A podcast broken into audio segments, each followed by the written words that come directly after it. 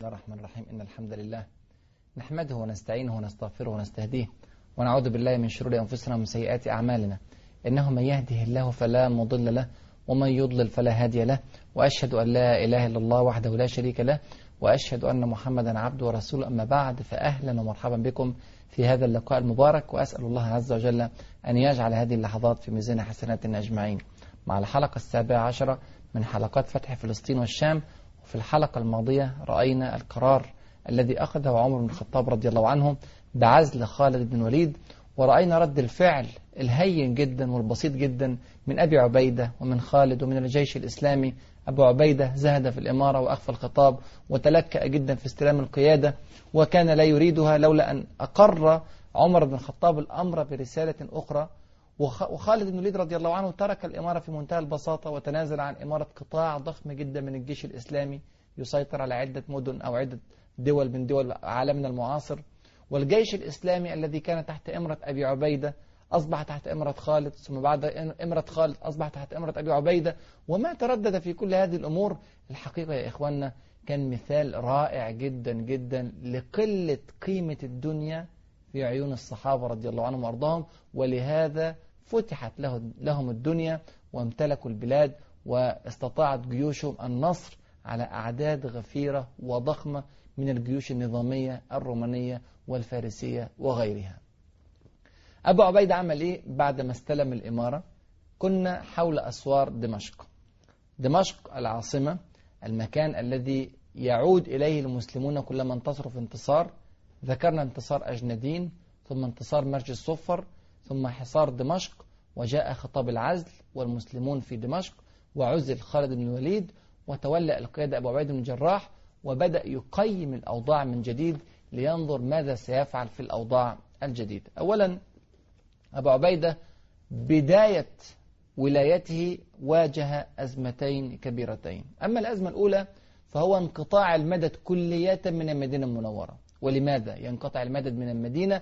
لأن الجناح الآخر العسكري هناك في أرض فارس في بلاد العراق المسلمون كانوا في أزمة كبيرة وخاصة عندما إن ذهب خالد بن الوليد بنصف جيشه إلى بلاد الشام تأثر المسلمون لغياب خالد والمثنى بن حارثة كان يستغيث بالصديق لوجود مدد وبالفعل أرسل عمر بن الخطاب ألف ألف من الرجال وأصبح الجيش الإسلامي في أرض العراق عشرة ألاف لكنه التقى في موقعة خطيرة جدا مع الجيش الفارسي هي موقعة الجسر وهزم الجيش الإسلامي وسقط من المسلمين من الشهداء أربعة ألاف شهيد في أرض العراق وفر أربعة ألاف آخرون وثبت ألفان فقط وهذه الهزيمة هزت الدولة الإسلامية بكاملها فما كان يأتي جندي إلى المدينة المنورة إلا ويرسله عمر بن الخطاب إلى أرض العراق نجدة للمسلمين في العراق. لذلك انقطع المدد تماما عن أرض الشام ووجهت كل القوى الإسلامية بعد ذلك إلى أرض العراق. هذه الأزمة الأولى التي تعرض لها أبو عبيدة ابن الجراح. أما الأزمة الثانية فهو تجمع جيش من الرومان قوامه عشرة ألاف مقاتل في مدينة بعلبك. هذا الجيش يا إخواني كان قادما من أنطاكيا ولم يكن يهدف إلى البقاء في بعلبك إنما كان يأتي لنجدة الرومان في دمشق. فعندما سمع بهزيمة الرومان في مرج الصفر خاف أن يدخل على دمشق بهذا العدد القليل فبقي في بعلبك. فماذا يفعل أبو عبيدة بن جراح تجاه هذا الموقف؟ كان محاصرا لمدينة دمشق بسبع وعشرين ألف مقاتل وكان يضع شرحبيل بن حسنة في الأردن ويضع عمرو بن العاص في فلسطين. كان مع عمرو بن العاص 2500 مقاتل ومع شرحبيل بن حسنة 7000 مقاتل. وكان هو يبقى ب 27 ألف مقاتل حول أسوار دمشق. فماذا يفعل في هذا الموقف؟ قال وهو يستشير خالد بن الوليد. طبعا بعد هذا العزل لخالد بن الوليد ما تخلى أبو عبيدة أبدا أبدا عن نصيحة خالد. بل كان يسمع ما أمره به عمر بن الخطاب رضي الله عنه وأرضاه أن يمسك خالد إلى جواره ليستعين برأيه ويستشيره في الأمور الكبيرة. فاستشار خالد بن الوليد وقال له ماذا نفعل في هذا الأمر؟ فقال نرسل مددا إلى عمرو بن العاص ليحميه وهو قلة طبعا تركوا عمرو بن العاص ليحفظ نتائج نصر أجندين. أجندين كانت الأرض فلسطين تحقق نصر كبير لا يريد المسلمون أن يضيعوا هذا النصر فأبقوا قوة عمرو بن العاص ابن عمرو بن العاص ب 2500 مقاتل في أرض الش... في أرض فلسطين لكنها قوة لا تكفي لحماية أرض فلسطين فأرسل له مدد كان المدد عبارة عن 2800 مقاتل وبذلك وصلت قوة المسلمين في أرض فلسطين إلى 5300 مقاتل تحت قيادة عمرو بن العاص. ثم بقيت مشكلة الجيش الرومي في بعلبك. فقال أبو عبيدة هذا الجيش ليس له إلا أنا أو أنت يخاطب خالد بن الوليد أو يزيد. يخرج إليه أحد المسلمين الكبار بجيش ليرد هذا الجيش عن غزو دمشق وإيقاع المسلمين في حرج بين جيش رومي وجيش دمشق. فقال خالد بن بل أنا أسير إليه. واختار أن يتقدم هو إلى حرب هذا الفريق في بعلبك. وأخذ خالد بن الوليد خمسة آلاف مقاتل ليذهب إلى حرب هؤلاء. خلي بالنا الجيش الإسلامي حوالين دمشق 27 ألف.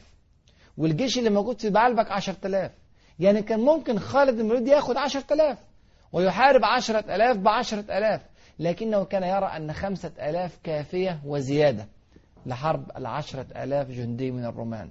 مرجعه في ذلك كلام ربنا سبحانه وتعالى في القرآن الكريم. يقول ربنا سبحانه وتعالى في القرآن الكريم يا أيها النبي حرض المؤمنين على القتال. يكن منكم عشرون صابرون يغلبوا مئتين وإن يكن منكم ألف وإن, كان وإن يكن منكم مئة يغلبوا ألفا من الذين كفروا بأنهم قوم لا يفقهون.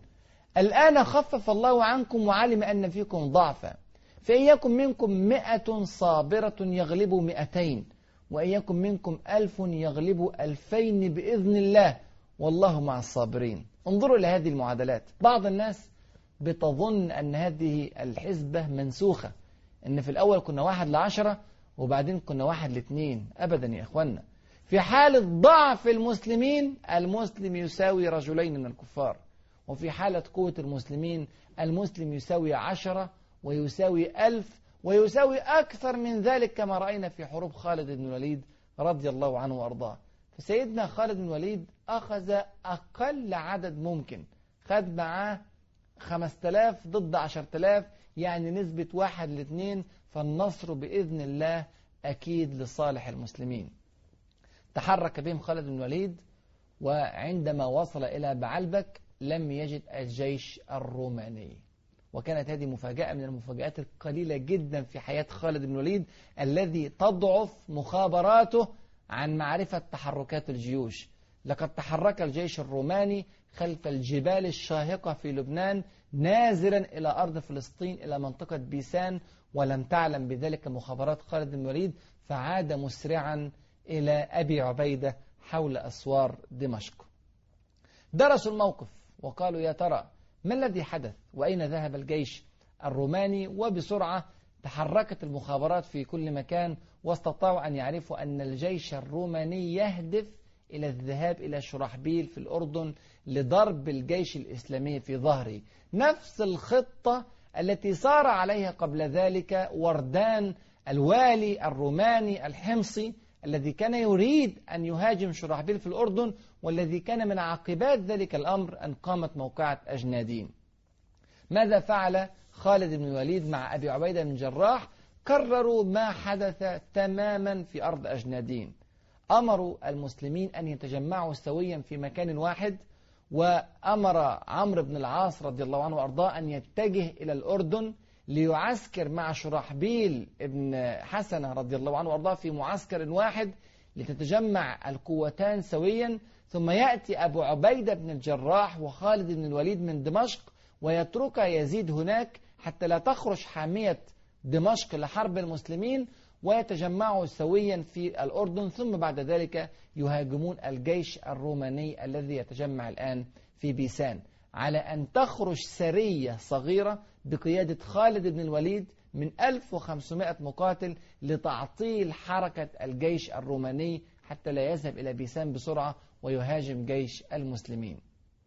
بالفعل خرج خالد بن بسرية صغيرة 1500 مقاتل وتحرك حركة سريعة جدا واستطاع اللحاق بالجيش الروماني وأصاب من أخرياته وعاد ببعض الغنائم وعاد بها إلى منطقة فحل في الأردن.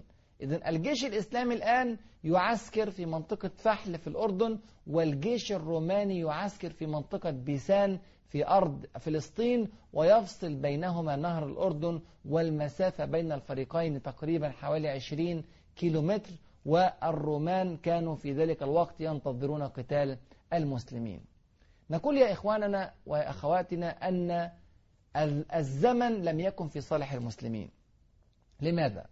لأن الوقت كلما مر ازداد جيش الرومان الموجود في بيسان. تخيلوا في غضون أيام قليلة وصل الجيش الروماني إلى ثمانين ألف مقاتل. كنا منذ يعني دقائق نتكلم على جيش بعلبك ألف مقاتل عشرة, عشرة ألاف مقاتل. إذا به يصل إلى ثمانين ألف مقاتل. والجيش الإسلامي بعيد جدا جدا عن المدد بل لن يأتي مدد من المدينة المنورة كما ذكرنا. إذا الوقت كلما مر كلما جاءت الأعداد إلى الجيش الروماني. الشيء الثاني الخطير جدا أن الرومان كانوا يعيشون في أرض خصبة وكان المسلمون في أرض جدباء ليس فيها زرع كثير. فإذا كلما طالت المدة كلما كانت هناك خسارة على الجيش الإسلامي وازداد الأمر صعوبة عندما فعل الرومان ما يعوق حركة المسلمين. ترى ماذا فعل الرومان وما هو رد فعل المسلمين؟ هذا ما نعرفه بعد الفاصل. فابقوا معنا.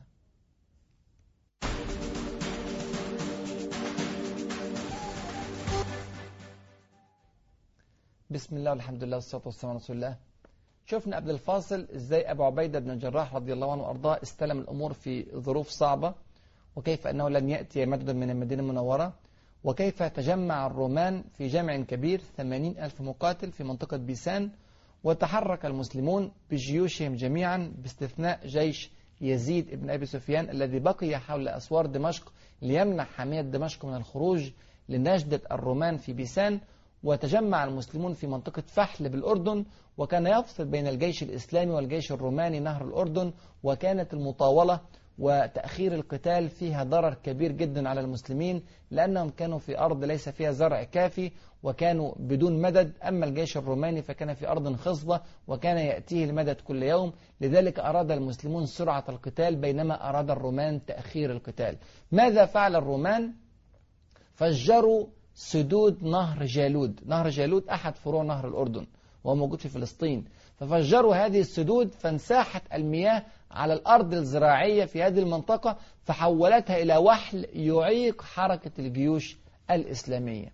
يبقى أول شيء عملوه الرومان أنهم خلوا الأرض الزراعية كلها مية والكلام ده كان في شهر يناير من سنة 635 ميلادية. شهر يناير وموافق الكلام ده ذي القعدة من سنة 13 هجرية يعني في ظروف صقيع وفي ظروف باردة واستطاع الرومان بذلك تعطيل حركة الجيش الإسلامي.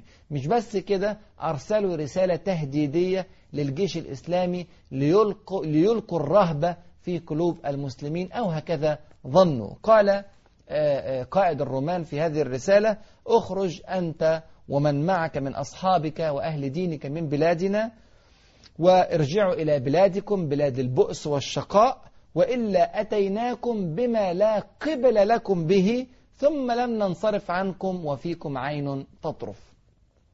هذه رسالة إسكلاريوس. إسكلاريوس كان قائد الرومان في موقعة بيسان فماذا رد عليه أبو عبيدة ابن الجراح رضي الله عنه وأرضاه؟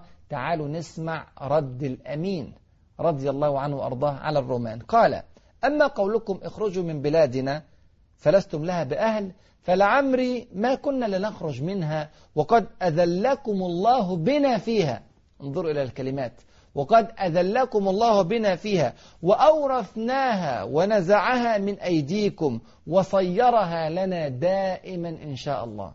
ثم يقول البلاد بلاد الله والعباد عباد الله والله عز وجل مالك الملك يؤتي الملك من يشاء وينزعه ممن يشاء ويعز من يشاء ويذل من يشاء. هكذا بمنتهى اليقين وبمنتهى القوة يخاطب الرومان. ثم قال لهم وأما قولكم أن بلادنا بلاد البؤس والشقاء فصدقتم.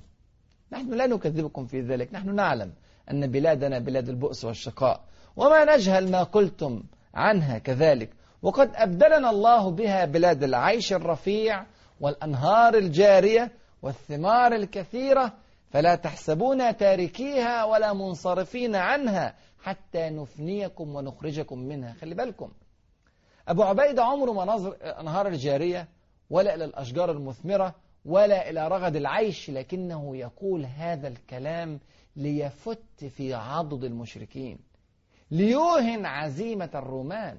يقول لهم نعم نحن أتينا إلى هذه الأرض ولن نتخلى عن هذه الأرض ثم يقول فأقيموا مكانكم. خليكم قاعدين في بيسان. فوالله لا نجشمكم أن تأتونا بل نأتيكم في أرضكم. مش هنتعبكم. مفيش داعي تتعبوا تيجوا لحد فحل في المكان اللي إحنا فيه. إحنا هنجيلكم. نجتاز الوحل نجتاز المستنقعات نجتاز ما فعلتموه في, في الأرض من تفجير نهر جالود ونأتي إليكم في أماكنكم نحاربكم فيها. ثم قال فوالله إن أنتم أقمتم لن نبرح حتى نبيد خضراءكم ونستأصل شأفتكم إن شاء الله. هذه الرسالة يا إخواني اهتز لها الرومان اهتزازا. يعني ما كانوا يظنون أنهم يلاقون قوما على هذه الصورة يأتون من جزيرة العرب. كان الرومان ينظرون دوما إلى جزيرة العرب نظرة دونية. هؤلاء أهل البؤس والشقاء كما يقولون. هؤلاء أهل الرعاء وأهل الشاه وأهل البعير ولكن الرومان أهل حضارة ضاربة في أعماق التاريخ.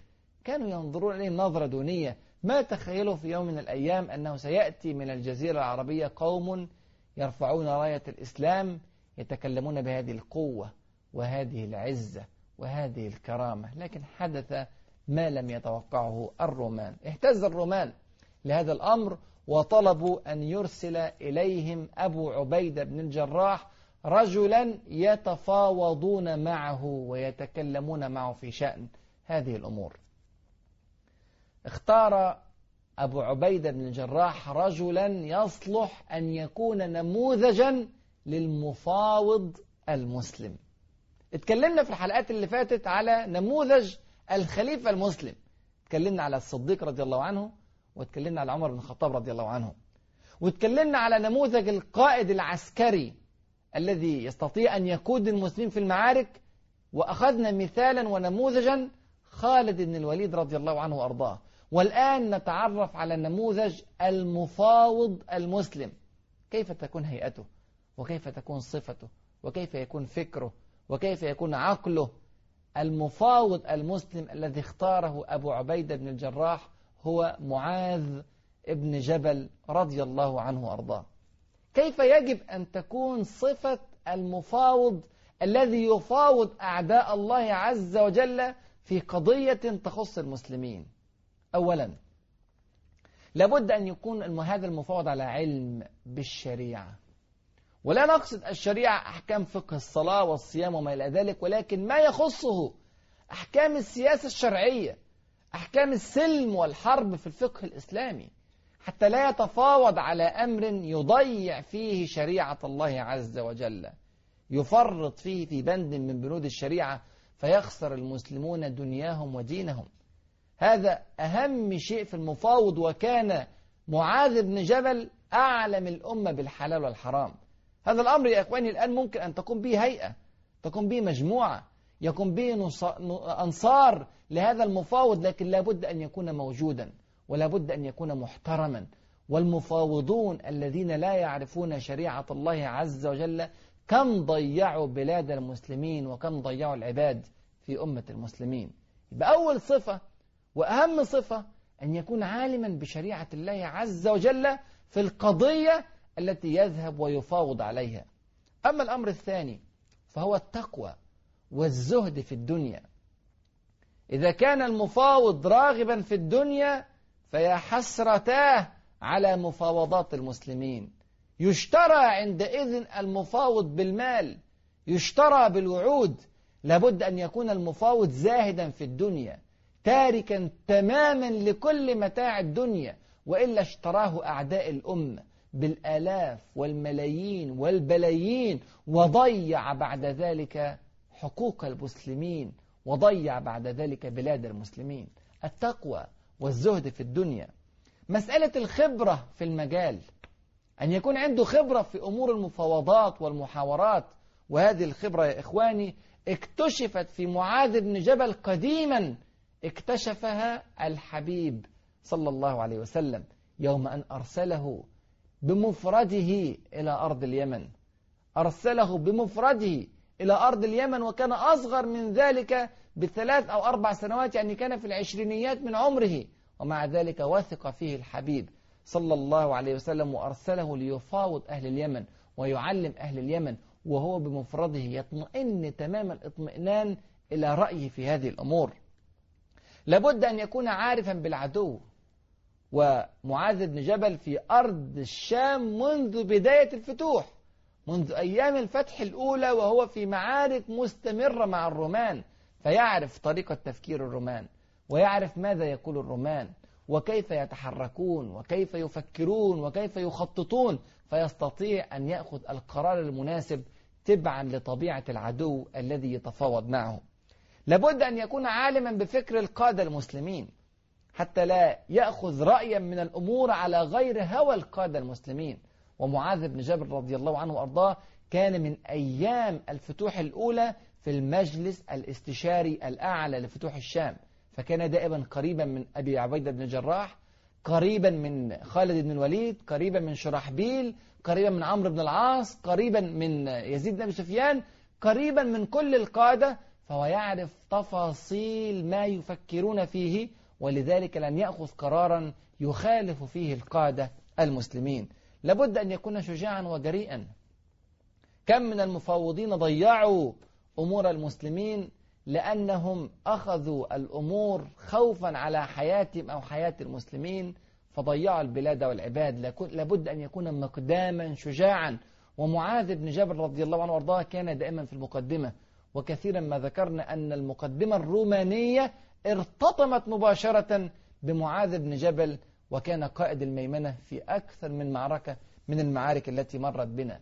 لابد أن يكون ذكيا فطنا سريع البديهة وهذا سيتبين لنا بإذن الله في محاوراته مع الرومان. ولا بد أن يكون معتزا فخورا بالإسلام.